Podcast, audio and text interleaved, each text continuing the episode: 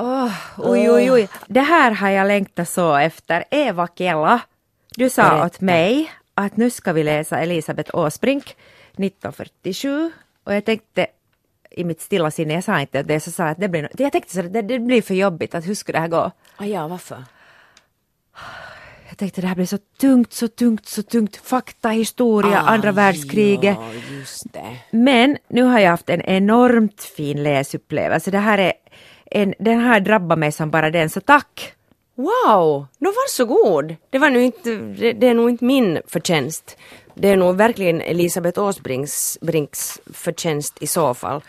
Uh, ja, alltså jag ville ju läsa den för att jag hade insett igen hur, hur, hur min allmänbildning eh, sviker mig så ofta. Och att jag liksom eh, blir mer och mer faktiskt vetgirig med åren. Jag vet inte, det har någonting också med att man blir lite äldre och så börjar man tycka att men vänta nu, hur var det nu att i gymnasiet läste vi det där och Marshall-Jeppen och mm, vänta nu Barbarossa och det ena med det tredje. Och det här är ju liksom det bästa sättet att ta till sig information. Det är ju det det handlar om. Inte fakta kanske, för det här är ju inte på det sättet. Det är ju sakprosa som hon har skrivit. Men hon väljer ju också ut vilka delar av det här året och de, vilka nyheter och vilka personer hon lyfter fram. Men det här är ju alltså en bok som heter 1947. Så det handlar om de personer och de händelser som Elisabeth Åsbrink har valt att lyfta upp i kronologisk ordning. Och hon berättar vad som händer i världen. Eh, Ganska mycket i Europa, men också i övriga världen.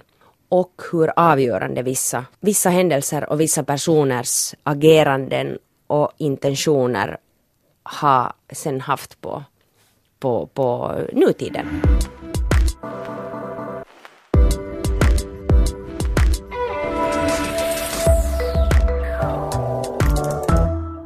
Välkomna alltså till Hietanen Akela som den här gången ägnar sig åt en bok och den förtjänar nog ett helt avsnitt för sig och det är då Elisabeth Åsbrink som sagt och boken 1947 som var nominerad till Augustpriset i kategorin Årets svenska fackbok. Den fick inte men, men nomineringen i sig är ju väldigt fint redan.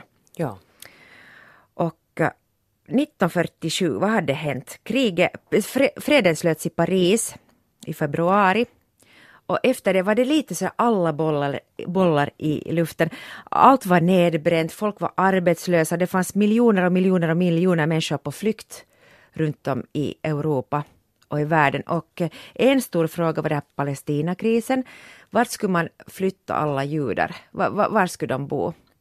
Och, och som du sa, så det går igenom kronologiskt. Vecka, vecka, månad, månad, vad som hände hela 1947.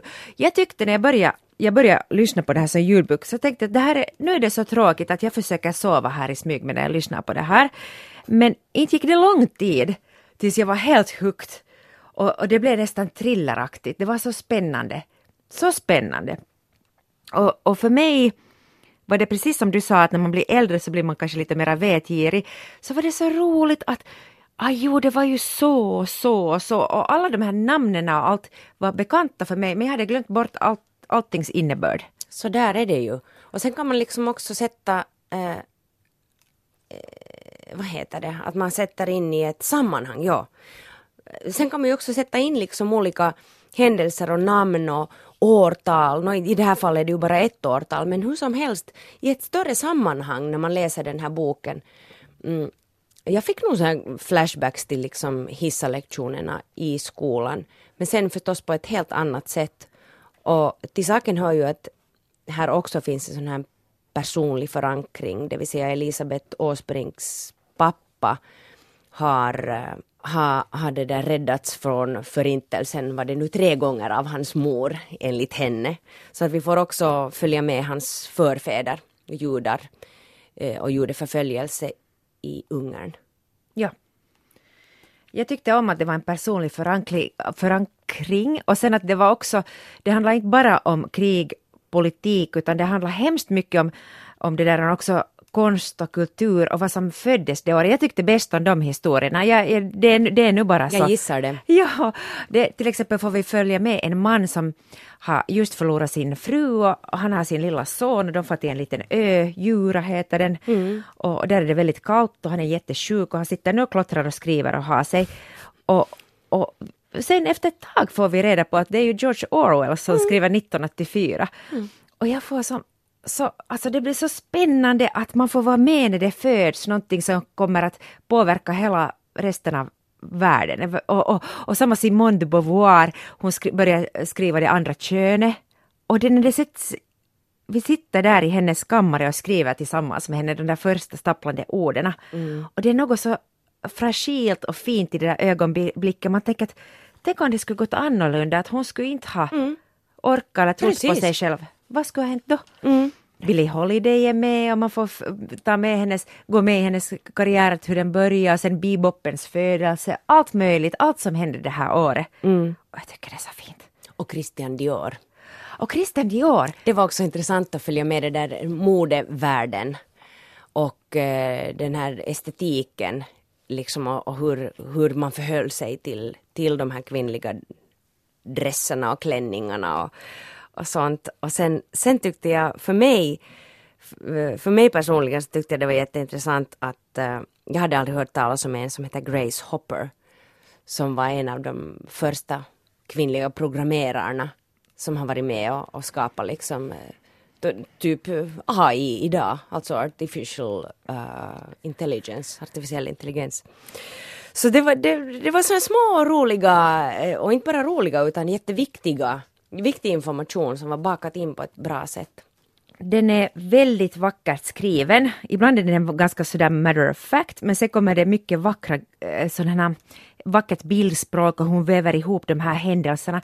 Sen, sen varje gång fun, fungerar det inte, inte så bra tycker jag. Hon har den här med tiderna, urmakare och klockan. Ja, nej, det, det, det, det, det håller jag med om. Hon börjar med, med klockan och hur de har stannat och hur det inte funkar. Och sen försöker hon väva in det som ett element längs med hela, det har, hela story, men det, det tycker jag inte heller riktigt lyckades. Nej, det blev på något sätt som en överflödig person som inte ändå fanns. När allt annat var så verkligt och viktigt och, och, och så var det, blev det lite betydelselöst. Men annars... Men så det var en petitess, jag Det- brydde det- mig det inte alls om det det. Varje gång jag läste om det här uret och klockorna så var jag ah okej, men hon kör med, det här racet nu men jag hoppar liksom typ mentalt över det och går vidare Ja. Men det, det roliga var att eh, man kan tänka sig så här att det är så här hårdsmält information just som du sa att oj det här ska bli så tungt och det är så mycket politik och ekonomi och, och så svåra, svåra liksom processer och sånt här. Men det var det inte alls. Och jag måste säga att det var för mig som inte har varit van att lyssna till böcker så var det här en jättetacksam bok att lyssna till. Att jag lyssnade på den från början till slut. För att eh, det var som om någon föräldrar hade läst som en saga till mig. Och det är ju det bästa sättet att, att lära sig nya saker. Att det blev liksom på riktigt som att någon skulle ha berättat, nu ska jag berätta en historia till dig Eva. Vet du, så här på kvällen. Det var ljuvligt. Det och jag kände mig så nyttig. Vet du, jag kände mig så här att yes, nu läser jag här bok, det är bra. Tjing! Jag lär mig nya grejer. Yes, det är bra. Tjing! Och dessutom så blir jag smartare, klokare och kanske ja, trevligare. Alltså, jag, jag hade precis samma som du. Det var som att äta de godaste och mest nyttiga grönsakerna som finns. Ja. Kanske avokado är bra. Jo, och, och, eller det här var nog som, som det där broccoli med, med riktigt mycket parmesan och salt och vitlök. Mycket vitlök. Ja.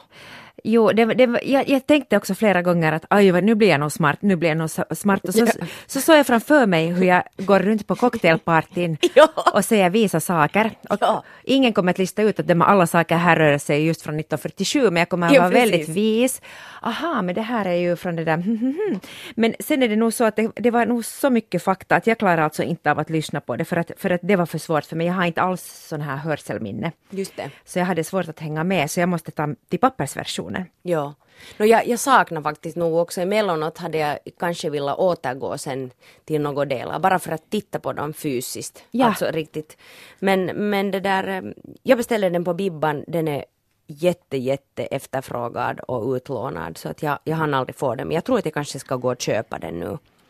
Men visste du att det här är ju ett, ett narrativ som Elisabeth nu inte den första att använda i en sån här historisk roman. Ja, 1913 har någon som heter Florian Illis gjort Århundradets sommar och den har blivit jätte, jätte beläst och, och omtalad i världen. Som handlar om 1913. 1913 var ju liksom året innan första världskriget bröt ut. Men jag har också en sån här känsla, men det är nog bara sån här motu, motu, motu, musta tuntu. Att det var ganska mycket optimism och sen hade det blivit lite mer liberalt och kvinnorna kunde plötsligt gå lite i byxor och sånt där. århundradets sommar eh, 1913. Ja. Tänk om man skulle kunna få tag på den om den är skriven i samma stil. Men ännu vidare till 47, alltså Uh, här finns två, eller här finns då många olika berättelser som man kommer tillbaks och tillbaks till. Och ena var den här fascisterna och nazisternas situation. De, de var på flykt helt enkelt för att inte bli fasttagna. De kunde fly till Buenos Aires till exempel, var det fanns sympatisörer. Och det som inte jag hade känt till, bland hundra andra saker, så är den här Sverigekopplingen, att det var så starkt i Sverige eh, som, som man liksom tog hand om nazisterna och hade sådana här olika underrättelseorgan och hade tidningar och allt möjligt. Och Malmö var ett av de här huvudplatserna för det. Ja, Jätte- det blev ju liksom en Malmö, Malmörörelse sen senare. Eh, jag läste att hon de facto skulle skriva en längre text om, om Per Engdahl, just den här fascistledaren i Malmö. Och det var via dem, när hon gick till arkiverna, när hon skulle ta reda på Per, om Pers liv och sånt, som hon sen kom fram till att men 1947, att det, ju, det har ju hänt så massor olika grejer då, att nej, jag måste ta hela det där året med. Bra, Mm. mycket bra. Här anstränger hon sig inte så mycket att gå in på att, att förstå de här människorna eller liksom berätta om deras inre motiv, utan de är bara sådana här äckliga De är monster. monster. Och, och jag funderar på den här boken, att från vilket perspektiv är den skriven, så förstås är den, alltså till exempel den största frågan här är ju den här då, när FN försöker lösa judarnas situation och den här Palestinafrågan, så, så förstås är hon, hon är på judarnas sida. Och, och hennes pappa uh, var jude. Att den är hemskt, det, det, det är inte något objektivt skrivet. Men hur kan man ens skriva objektivt om någon nazist? Vet du? Ja, men hon har väl inte strävat efter heller att skriva någon objektiv historia på det sättet. Hon har velat göra en tidsbild. Hon har gått i arkiven och hittat olika händelser och personer och sen har hon gjort ett skönlitterärt verk av det på basen av det vad hon tror att har försiggått och hurdan dialog det har förts. Hon har de facto också läst brev så att det finns helt liksom, hon har nog helt bra källor. Men eh, det eh, håller jag med om att jag, att det var, alltså förstås 1947 hade väldigt mycket med judarnas förintelse att göra. Det var i så starkt eh, minne. Det hade ju hänt typ liksom igår. Så nästan alla politiska beslut och allt som rörde sig på ett större plan, liksom i högre organisationer, så handlar ju på sätt eller annat om det som har skett och hur har, hur har det här fått hända och aldrig igen, aldrig mer igen. Um, så det är klart att, och sen i och med att hon har då de här sina egna uh, judiska, sitt egna judiska påbrå, den här egna historien i sin egen släkt så, så det blir ju väldigt, ehm, det handlar ju väldigt mycket om uh, uh, upprättelse. Upprättelse för judarna på många sätt. Ja, absolut, och det, och det får det göra också, men det kommer till exempel inte fram det här orättvisa, eller kan tänkas orättvisa, i att, att du har, tänk på araberna, du har Palestina, och plötsligt bestämmer ett organ bara att nu måste ni ge bort ert land till de här människorna.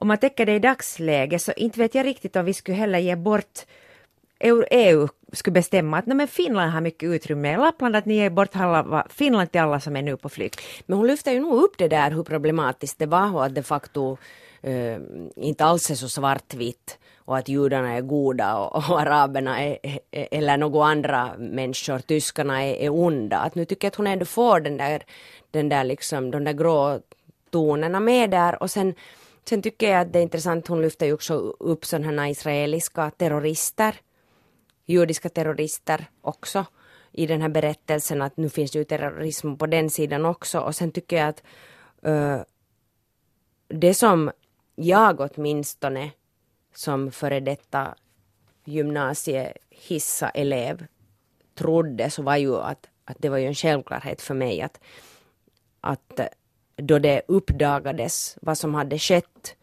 i hit, under Hitlers regim att då blir det ju liksom en enorm våg av förstås välvilja mot och till och åt och för judarna och att de blir ett slags offer och att alla vill hjälpa dem. Men på basen av den här boken så får jag en känsla av att inte fick de nu sådär hemskt mycket hjälp sen sist och slutligen. De fick eh, verkligen vara liksom eh, ännu mer i diaspora, bara fara omkring och, och, och försöka hitta, skapa en, en, en trygghet helt enkelt. Och sen har jag också levt i den tron att allt som hette fascism och nazism eh, att det helt enkelt inte kunde förekomma i någon form längre med tanke på vad som hade hänt. Men de facto så inte, inte hade ni nu dött någonstans den här eh, fascismen, nazismen. Den levde ju starkt vidare och till och med ännu starkare än tidigare i vissa fall. Jag funderar mycket på det också, men så tänkte jag att historieundervisningen, att skulle vi ha klarat av att höra något annat då? Mm. Alltså, det, det, är liksom för grymt vissa saker som, inte, som kommer fram här. Um, en historia som, som tidigare bara flimrar förbi som en parentes är till exempel det här Exodus-fartyget. Ja. Som jag tycker hon nu beskriver så väldigt starkt och, och fint. Det var alltså så att, att det startade från Frankrike och skulle åka till Palestina. Eh, det var bara en veckas resa men det var ett litet fartyg, eller det var gjort för kanske 400 personer, det var 4000 flyktingar på det här och, och hur det blir för svårt för mig att förklara, men britterna stoppade det här fartyget så de måste genast komma tillbaks. och, och vi får höra hur asigt och hemskt och vidrigt det var för de här människorna på det här fartyget. Och jag levde väldigt starkt in i mig, mig i den här situationen, det här helvetet, att vara en människa som ingen vill ha, som mm. är paria. Och det här är alltså judar som flyr från förföljelse. Mm. Och det enda alternativet som erbjöds egentligen var att skeppas tillbaka till Tyskland. Ja. Varför? Alltså så extremt grymt. Och världen visste om det här. Det, finns mycket, det var överallt i nyheterna. Ingen tog ansvar. Ingen tog ansvar och alla tyckte, no, voi voi tyckte att det är lite hemskt men inte gör vi något. Och nu låter det här säkert supernaivt och det är det också. Men jag fick för första gången så fick jag en stark insikt om att jag inte är så god människa som jag alltid har hoppats att jag är. Det fick jag när jag läste den här boken, för jag minns den här situationen när man fick reda på i skolan vad som hade hänt vad Hitler hade gjort. Och jag kommer ihåg att jag tittade på alla vuxna och alla som hade levt under den tiden och jag kunde inte förstå varför inte var och en hade rest till plats och ställe och själv försökt döda Hitler, mm. ta hand om någon jude, göra vad som helst. Och jag visste när jag var liten att jag skulle ha gjort det. Jag visste det. Och nu sitter vi här och jag, har inte, jag gör ingenting. Jag gör något smått men jag gör ingenting. Jag har inte tagit en flykting hem till mig själv och bo. Och jag vet, och då när jag insåg det, jag läste den boken, så insåg jag att jag kan inte försvara mig själv. Alltså för kommande generationer så kan inte jag försvara mig själv.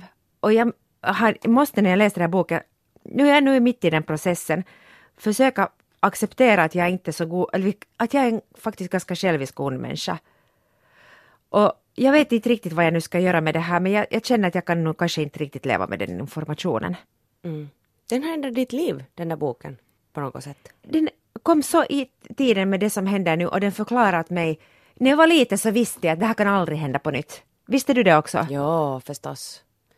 Och med patos kände man ju liksom att yes, jag, jag, är med, jag är en del av den här förändringen mot någonting bättre och mänskligheten blir förädlad och mänskliga rättigheter och, och liksom solidaritet, antirasism, allt detta. Tji fick vi så det är det jag tänkte att, att jag skulle inte kunna kanske leva med den informationen som jätteung. Mm. att, att tänka att det här är någonting som kommer tillbaks. Mm. Ja, vi lever ju egentligen precis på många sätt i samma situation just nu. Hela Europa är i, i liksom, vad ska vi säga, upplösningstillstånd på många sätt. Och folk torteras och förföljs och är som paria, ingen vill ha dem. Mm. Alltså, det, det, är något helt otroligt. Och så sitter jag och tänker där att men vad, vad om jag på riktigt ska hjälpa? Och så börjar jag tänka att, att det, ja, vet du, det, det, är så svårt att sen på riktigt göra det i teorin så, jo, jag tar, jag tar hem en flyktingfamilj till mig mm. och så börjar jag tänka, tänk om de inte är så kivoga. Mm. Vet du, aivan samma, men jag tänker, jag börjar tänka för mycket men hur ska jag kunna försvara mig? Jag vet inte, jag, alltså jag tänkte helt på samma sätt här. Jag jobbade jättemycket för några år sedan eller ännu för ett år sedan och då kände jag alltid att okej, okay, att hade jag mera tid så skulle jag nu göra liksom frivillig arbete. Att det är ju helt selvänacki. Det skulle jag göra liksom på en sekund. Att jag är en sägesväare i blod, hjärta och själ. CSV står för Children's International Summer Villages. Och det, jag var väldigt aktiv inom den här organisationen som barn och ung. Eh, hela organisationens devis är det att genom barnen fred i världen. När vi är vänner, när vi blir goda vänner som barn så kommer vi inte att kriga mot dem när vi blir stora. Att vi ska skapa världsfred via de här barnen. Så man samlar barn på olika läger. Och, och så lär man känna varandra och och lär sig, det är en slags freds, fredsfostran. Och så gick det så att uh, mitt arbete slutade och jag kom in i en situation då jag blev mera frilans, mera fri, hade mera tid. Och då tog jag genast kontakt med flyktinghjälpen och eh, så hade jag lite sådana um, ehm, kaffe, kaffekompisar hos mig. Det, det finns så olika verksamheter där man kan eh, bjuda hem flyktingar eller invandrare eller överhuvudtaget migranter och så, så går man till kaffe, på kaffe till varandra och, och äter bullar och pratar och lär känna varandra. Så lite sån verksamhet sysslar jag med några gånger i månaden och sen efter det så, så det där var jag en gång i veckan med en sån här grupp eh, helsingforsare så satt vi och, och pratade. Liksom bara, det var en sån här keskustelukerho, diskussionsklubb. Så jag satt och pratade på finska med och lärde känna de här olika eh, personerna som då väntar på att få uppehållstillstånd. Och det var jätte, jätte värdefullt och, och sen fick jag bråttom igen på jobbet och nu har jag inte gjort det igen på flera månader. Men du har ändå gjort det där. Det där borde vara... Ja men det räcker ingenstans Anne. Men det är så mycket bättre än att inte göra någonting. Tänk på det. Tänk om det skulle vara obligatoriskt att alla skulle göra det där åtminstone en gång. Mm. Vet du, när jag var barn så tyckte jag att det skulle vara obligatoriskt på samma sätt som det finns obligatorisk värnplikt för alla myndiga män så ska det finnas en, ett obligatoriskt fredsfostrande läger för alla 11-åringar.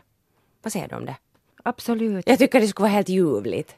Borde vi driva igenom den, den där tanken politiskt? Men hur gör vi det? Inte vet jag. Här skulle man borde... Nu lyssnar någon och sen blir det ett medborgarinitiativ. Men tänk om man skulle kunna göra någonting större. Den som mitt hjärta öppnade sig för var den här Rafael Lemkin. Ja. Han insåg att det finns inte, folkmord finns inte som ett begrepp, att ingen vet vad det är. Ett juridiskt begrepp. Ja, och att därför kan inte man bedöma någon för folkmord. Man kan ju döma någon för ett enskilt mord. Det, det är farligt och då, då, får du straff. Men folkmord, det, det gick inte att döma dem. Det får man göra. Ja. Det, det får man göra, det är okej, okay. alltså enligt ett, ett, juridiskt, för att det fanns inte. Och han kämpade och kämpade och kämpade. En enda man kämpade dag och natt för att få det igenom. Och, och det, det, gick hemskt illa för honom. Han dog så det kom sju personer på hans begravning och han var utfattig och sjuk. Och nu efteråt så, så har vi det här ordet och det kommer från honom alltså. Men en sån människa. Mm. Han har integritet. Det hade han! Mm. på tal om diskussionen i förra avsnittet. Han hade integritet minsann. Och, på det, ja, och det var nog, det var nog en, enbart bra där. Mm. Alltså, om det är någon som lyssnar på oss så ni får gärna komma med. Det finns ju massor med människor som gör så mycket fint redan. Och, och, många gör saker som inte heller syns. Det, behöver inte, det är inte så att alla måste veta om det vad man gör heller. Men, men vet du, hör, hör av er om ni kommer på någonting. Det måste jag säga att de här förhandlingarna i FN Trots att det var intressant att veta att hur, det lobbades, eh, hur, hur det lobbades och hur man använde dem som spelbrickor, de här judarna, och, och så, så tyckte att det var lite väl utdraget att höra hur alla hade röstat och, och, hur den här arbetsgruppen arbetade. Det var en så, så tröstlös process så att beskrivningen av den blev också lite tröstlös. Du menar det här med Palestina och Israel? Ja. Ja, ja det, det, där har du rätt i att det, det var det var en händelse som hon återkom till lite väl mycket och lite väl detaljerat. Just det. Det var för mycket detaljer och, och där var inte så mycket känslor. Men jag, vet, jag skulle vilja kanske gå in i någons huvud lite mera eller... Jo, hon gick in på detaljer på vilka nationaliteter dessa delegater hade, vad de hette, exakt hur de hade röstat och, och vilket datum och så vidare. Det är sant, det var, det var lite väl lite väl detaljerat kanske. Och... En bild som jag kommer att ta med mig, och jag vet inte riktigt varför jag berättar det här nu, men kanske för att det här pågår kanske också just nu, så det är det att ett sätt som man torterar judarna kunde vara att man i kyla hängde dem upp i ett träd, alltså i stark kyla, minus 30 grader, och sen spruta vatten på dem tills de frös till is, stod där. Vet du, jag la märke till den där samma detaljen och tyckte att det var olidligt hemskt. Det är något så förfärligt vidrigt. Jag är inte jättekänslig av mig men jag har liksom flera gånger försökt gå in i det där och tänka att hur, det, hur det känns att dö på det sättet och hur lång tid det tar. Hej! Nu vet jag en grej. På tal om det här kan jag bara helt kort tipsa om, jag måste bara kolla att jag säger rätt. Är inte Miriam hette den. Va? Vänta nu, vems är det? Axel, Maj, nej det är inte Majgull. Är det? Är det Majgull? Det är väl Majgull? Det är Majgull Axelsson, ja. Är den ny? Uh, jag läste den i somras, den är från 2015. Nå, berätta om den. Ja, uh, jag... Uh, jag heter inte Miriam, skriven av Majgull Axelsson, berör ju de här förintelselägren mycket starkt. Men det som är intressant är att den här Miriam de facto är en rom man ut, utger sig för att vara jude. För romerna om någonting, de var ju paria. Om, ännu, om, man, om man kan vara mer paria än jude så då, då, då, då, då var man rom. Och den är jätte, jätte intressant skriven och där är nog nu när du talar om det här med att hängas i träd och isas ner av kallt vatten och annat så är man lite väl känslig så ska man verkligen gardera sig när man läser den boken. Men den är också jättevacker. Och jag älskar hur hon målar in de där olika generationerna och Sverige, folkhemmet och sen, sen Miriam som bär på den här hemligheten. Jag har bara läst äh, Aprilhäxan av Majgull Axelsson och den var jättestark men den var nog väldigt svart och mörk också och obehaglig. Jag älskar Majgull Axelsson hon är ljuvlig, men aprilhäxan häxan tyckte jag inte om. Ah, ja, varför det? Läs andra. Okej, okay. för det, det var på något sätt som så Usch. Jag tror att jag har varit i någon slags uh, livskede också då att jag inte har riktigt orkat ta in den och helt enkelt bara läst den bara för att läst för att det är Majgull Axelsson. Mm. Men ja, Majgull Axelsson överhuvudtaget som författare så tycker jag om att rekommendera i och med att hon lyfter upp hon har liksom hjärta och hjärna, som man säger. En jättefin författare. Hon skulle kunna få något stort pris. Ja, det tycker jag. Hör ni, nu från mörkret. Jag tänker den här gången, jag blir ofta när det blir för mörkt och för hemskt så stänger jag av bara och ja. säger la la la och så går jag och köper nytt nagellack. Men jag, jag tänker att jag inte ska den här gången göra det utan jag ska nu ta till mig den här insikten som jag fick så väldigt starkt med den här Åsbrinksboken. Men Ändå behöver man ju lite lätthet och därför har vi nu framför oss pixiböcker. Och pixiböcker är de här små, små fyrkanterna som man ger till riktigt, riktigt små barn. Och för många små barn kanske en pixibok är den första boken man läser. Och förlaget Kartago har börjat ge ut pixiböcker för vuxna. De är ljuvliga. De kommer... Och jag vill ha dem här. Jag vet! Man får så, det väcker här grymt haber igen när man ah! ser dem här. Det finns eh, i såna här små boxar. Tänk om jag skulle nu ge den där Gulle, du behöver inte ge den. Och men, nu kallar jag dig Gulle. Men du vet vad? Att du kan få Nina Hemmingsson Och, och det finns små böcker i en jag kan ju beställa dem själv från Kartago. Ja! Ah! De här, är, de här är faktiskt jättefina. Hon har såna enrutsbilder. Och en bok handlar om ett tema. Hon har till exempel skrivit en bok om ångest. En bok som bara handlar om relationer. Det är Här är väldigt... sex. Du har sexboken. En handlar om fest och sen har vi om barn och om djur. Och de är, de är jättefina. Alltså egentligen är det här de mest presentböcker för de är så snabblästa att man nästan blir lite sådär men vad var nu det här? För att man är ju vuxen och inte ett barn. Därför, därför är Pixie oftast det, liksom, ja, den orsak till en Pixie-bok är för barn. Men däremot så tycker jag faktiskt att de här Martin Kellermans Rocky-serien funkar jätte, ännu bättre som Pixie-böcker för att han har fyra rutor på varje uppslag. Så att ett, en Pixie-bok med en sån här Rocky, alltså det kom ut två stycken som jag vet om som Tycker du om. Rocky? Um, no, faktiskt inte riktigt. För att jag tycker de är så asigt tecknade. Men jag tycker nog att de är Samma roliga. här. Jag har inte tyckt om den där eh, estetiken. Ja, nej, för det, det är inte snyggt. Utan, men sen så tycker jag nog om de här typerna och Ankan och deras kommentarer. Jag tycker de är smarta och roliga. Men bilderna tilltalar inte mig. Mm. Men sen måste jag säga Martin Kellerman som gör Rocky. Så jag skulle kunna rekommendera hans roman Allt blir ingenting. Den var fin. Bra. Lite, ä- jo, lite äcklig men väldigt fin. och det är en sån här, det finns scener i den boken som jag skrattar och tänker på ett år senare ännu. Och det är ganska mycket för att oftast Ja. glömmer jag bara så här, allt blir ingenting. Ja, så passivt glömmer man ju en del fast man aktivt tror att man, eller man vill liksom aktivt behålla saker i sitt minne så det bara raderas ut. Men vet du vad, jag hittade min favorit enhörning. Jag är ju liksom ett stort Nina Hemmingsson-fan. Och jag hittade min um, favorit enruta av henne. Om jag bara får läsa upp det Ja. så kan vi avsluta det här. Här är en man som säger, han ser jätteglad och stolt ut över att vara så här duktig. Så han säger grattis på kvinnodagen, säger han till en kvinna. Kvinnan säger tack, men det där får du nog ta med min fitta. Tyvärr har den lite nedsatt hörsel, så om du kunde vara vänlig och gå ner på knä och prata nära. Väldigt, väldigt nära.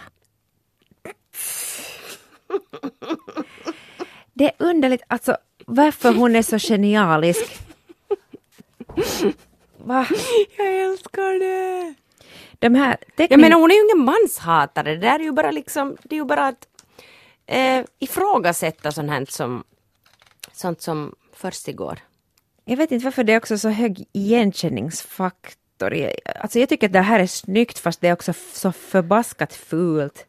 Vad tycker du om de här tomma ögonen hon brukar ha? De är bra. De är bra. De är jättebra för det berättar just om det hur man måste förstummas och fördummas och göra sig tom för att inte bli för starkt berörd.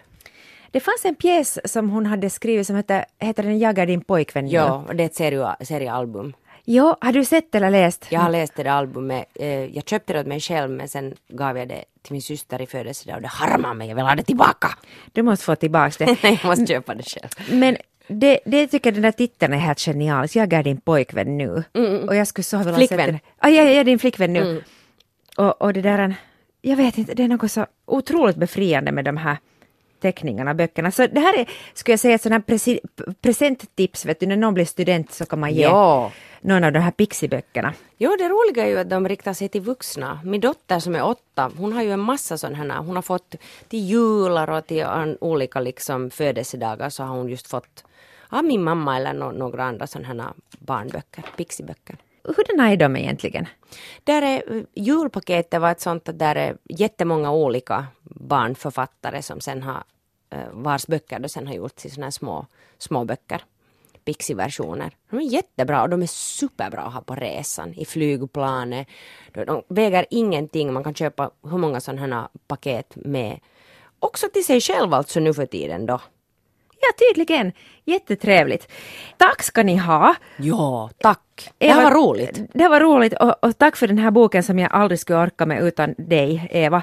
Stor rekommendation, Elisabeth Åsbrink. Nej, inte behöver vi säga den på nytt, vi sa det redan. Vi hörs igen nästa vecka. Ja, ska vi redan avslöja vad vi ska prata om då? När vi kanske läser Seierstad. Kanske vi tar Seierstad nästa gång? Alltså grejen var Spinna det... vidare. Ja, grejen var det att, att när vi träffades idag så sa du hej, att jag vet vad vi ska läsa nästa gång. Och så sa du Segerstad och så måste, det var tur att jag skrev upp det på mitt papper, så Eva, jag har bara en bok som jag också vill att vi ska läsa, det var samma. Tänk det. Det var meningen. Det var meningen. Vi hörs igen nästa vecka. Uh, vår producent hette Kia Svetihin och vi säger tack och hej. Tack, hej då.